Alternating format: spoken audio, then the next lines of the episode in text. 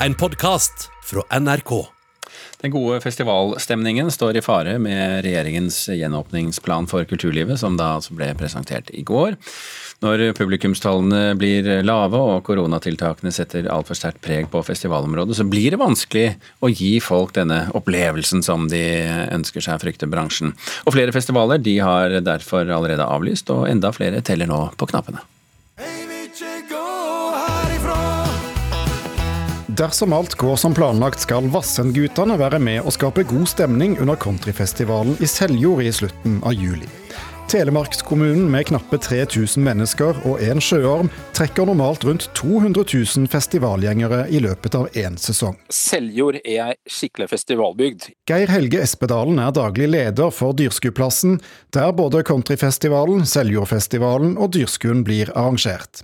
Normalt betyr det stor musikklede og et yrende folkeliv. Ringvirkningene til Dyrskuen er jo enorme, ikke bare i Seljord, men langt utenfor Seljord sine grenser. Espedalen hadde håpet på en tydeligere tidslinje fra regjeringen over når de ulike trinnene i gjenåpningsplanen gjelder. Men han har forståelse for at det er vanskelig å spå utviklingen. Likevel er det klart at festivalene i Seljord ikke blir det samme med lite folk. Nå hentes tenkeboksen frem før en endelig beslutning blir tatt. Vi er opptatt av å levere et produkt der det samles mye mennesker, eh, og der folket har det gøy, og faktisk eh, at vi ikke går på akkord med det produktet vi har, da. Palmesus, Øyafestivalen, Vinjerock og Bergensfest er blant dem som nå vurderer om det blir plan B eller C eller avlysning. Over Oslo og Stavernfestivalen er allerede avlyst.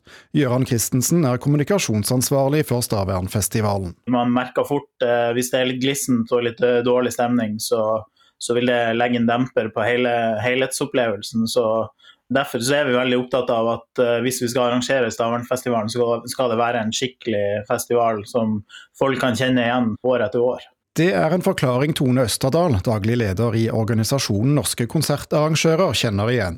Regjeringens retningslinjer for utendørsarrangement i sommer legger opp til at det kan være lov med opptil 2000 og etter hvert 5000 publikummere. Men disse må hele tiden være inndelt i mindre kohorter.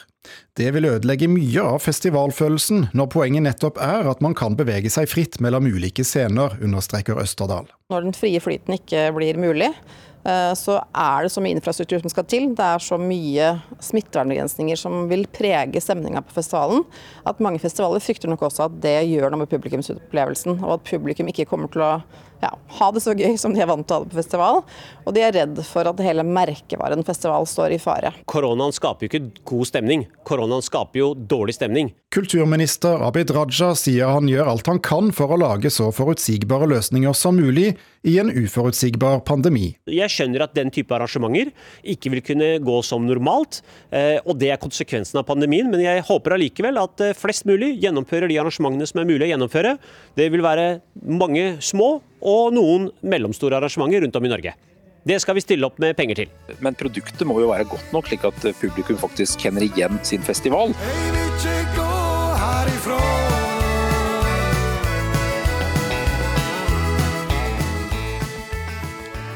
Reporter i denne saken, eh, det var Oda Elise Svelstad og Thomas Halvarstein Ove, og musikken du hørte, det var Vassendgutane.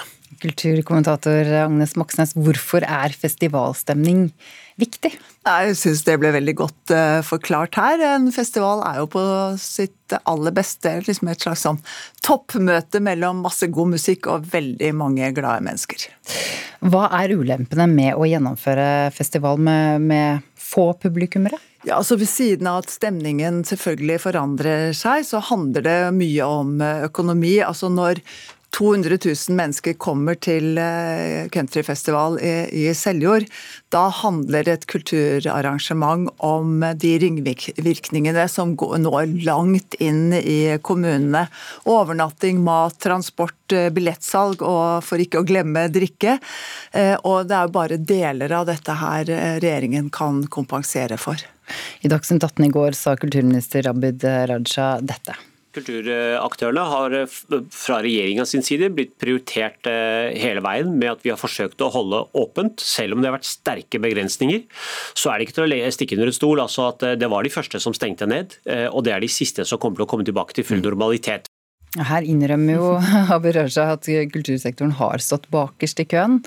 Er det oppsiktsvekkende, eller? Det er vel å slå inn litt åpne dører, syns jeg. Alle vet jo det. Og, og, utfordringen er jo selvfølgelig at der folk samles tett, der trives jo virus eh, også. Så det store spørsmålet er da når kan festivalstemningen og de store arenaene åpnes for fullt igjen? Ja, det, det er jo det som er det store spørsmålet. eh, Absolutt. Eh, Og eh, det er jo det vi venter på å høre også fra regjeringen. Og dette tror helseminister Bent Høie om det. Med den planen vi har nå, så vil jo eh, vi kunne ha vaksinert alle voksne over 18 år innen utgangen av juli med første dose. Og Nå vet vi også at første dose og tre uker er sannsynligvis noe som beskytter godt nok. Så det lover egentlig godt for å kunne åpne opp andre ting framover. Hvis de aller fleste er vaksinert mot slutten av juli, da er det ikke bare å gjenåpne for fullt da? Jo, det kan jo skje, det. eh, At august blir eh, måneden da vi vender tilbake igjen til eh, normalen. I regjeringens gjenåpningsplaner, om det heter fase eller trinn fire, er jeg litt usikker på, der står det jo at det fortsatt skal være restriksjoner etter at de fleste er vaksinert. Og som vi hørte Høie her si, at det skulle gå tre uker etterpå. Men jeg SMS-et med assisterende helsedirektør Espen Nakstad i går kveld, og han sa at med alle forbehold da, om smitte og vaksineutvikling, at når 18-åringene er vaksinert, da er full gjenåpning absolutt mulig. Er det noen vits i det hele tatt å ha restriksjoner når også 18-åringene er vaksinert? Ja, det, det, er jo, det, det er jo et, et spørsmål om, om, det er det, men det blir jo selvfølgelig også et tema i, i ukene fremover. Da, da, da, er dette kanskje gode nyheter for uh, countryfestivalen i Seljord også? Ja, det kan jo bety at, at, nå blir det fest, og så får vi se hvor lenge koronasertifikatene skal være med på denne festen. Og, uh, men for, for countryfestivalen i Seljord så er ikke deres dilemmaer blitt mindre med dette her, fordi at den arrangeres jo helt i slutten av juli, altså omtrent akkurat når 18-åringen skal være ferdig vaksinert. Takk, Agnes Moxnes. Vi skal fortsette å snakke om musikk, melankolsk musikk.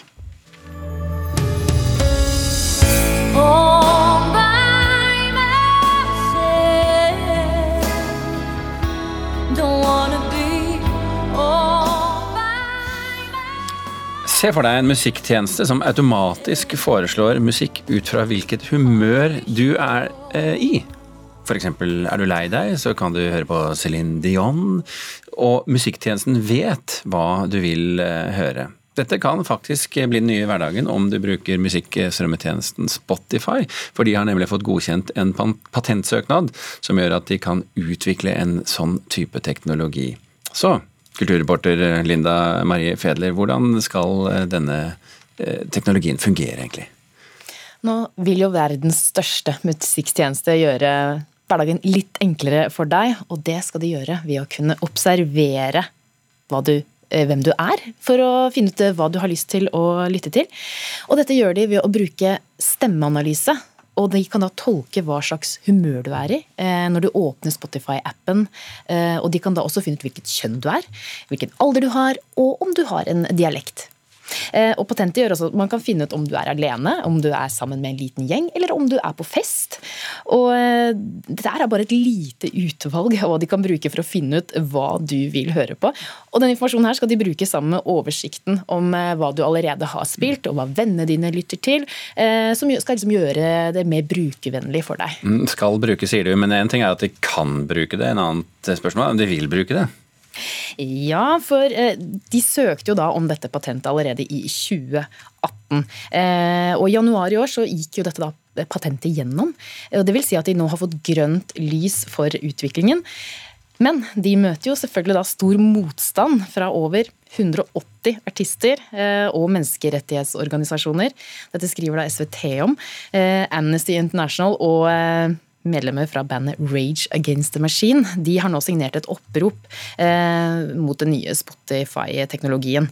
Og i et svar så skriver, av, skriver, Spotify til en av organisasjonene at de ikke har planer om å ta i bruk teknologien.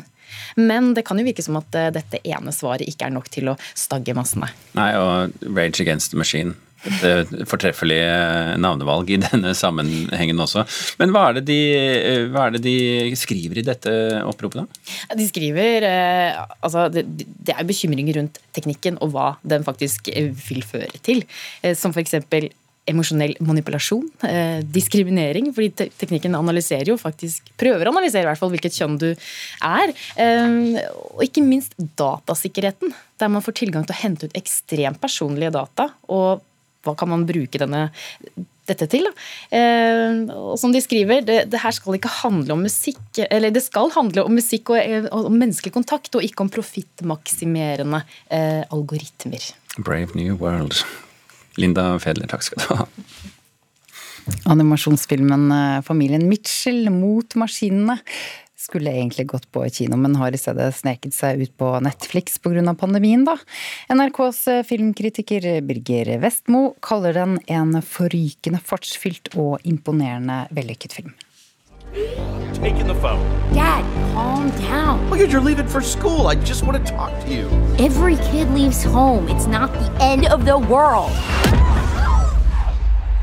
Familien Mitchell mot maskinene er en festlig og høyenergisk animasjonsfilm med treffende bilder av vår teknologiske avhengighet og et rørende familieportrett i bunn av det hele.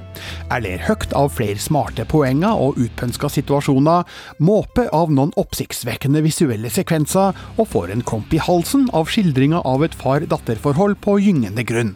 En film som makter å gjøre alt det her i løpet av knappe to timer, er en god film. What are these? Robots? Greetings, humans. There appears to be 14 of you. Doesn't seem good that they're counting us, right? Det er oppbruddsstemning i Mitchell-familien når dattera Katie skal flytte ut for å studere film i California. Forholdet til faren Rick er ikke så tett som det en gang var, og han bestemmer seg for å forsøke å reparere det ved å kjøre dattera fra Michigan til California sammen med kona Linda, sønnen Aaron og hunden Monchi. Under et stopp i Kansas havner de dessverre midt i en robotapokalypse, starta av den kunstige intelligensen bak det verdensomspennende nettverket PAL, som har åpenbare paralleller til Facebook. Det her setter Mitchells på store prøver, og utfordrer dem til å finne tilbake til den magiske familiedynamikken de en gang hadde. Go, go, go, go, go! Ah! Ah! Ah! Butterfly formation! Now! No, honey. No, no, no, no! Familien Mitchell mot maskinene er regissert av Michael Rianda og Jeff Roe, som òg har skrevet et skarpt manus med overraskende sjel og dybde. Animasjonen er digital, men har et håndtegna utseende med en særegen karakter, og visualiserer 100 000 ulike ville ideer og innfall på en fortreffelig måte. Filmen raser fra den ene handlingstråden til den neste i et høyt tempo med mange ytre distraksjoner, men mister aldri fokuset på sine hovedfigurer. Hjertet mitt banke for den teknofobiske faren, den omsorgsfulle mora og den sjenerte lillebroren som er i ferd med å miste kontakten med ei rebelsk datter og storesøster som har fått los på voksenlivet. I poured everything I had into getting into film school in LA. After all these years, I'm finally gonna meet my people. Historien engasjerer med en familieskildring som føles nær, ekte og gjenkjennelig, sjøl om omstendighetene er fantasifulle. I bakgrunnen ligger også samfunnssatire om våre liv i sosiale medier, som mange vil føle seg truffet av, meg sjøl inkludert. Derfor er familien Mitchell mot maskinene en forrykende fartsfylt og imponerende vellykka animasjonsfilm, som passer minst like godt for voksne som for barn, om ikke bedre. Oh, look at that. Terningkast seks. Familien Mitchell mot eh, maskinene ble anmeldt av Birger Vestmo, og du kan som vanlig lese hele anmeldelsen og flere andre anmeldelser på nrk.no skråstrekk anmeldelser. Du har hørt en podkast fra NRK. Hør flere podkaster og din favorittkanal i appen NRK Radio.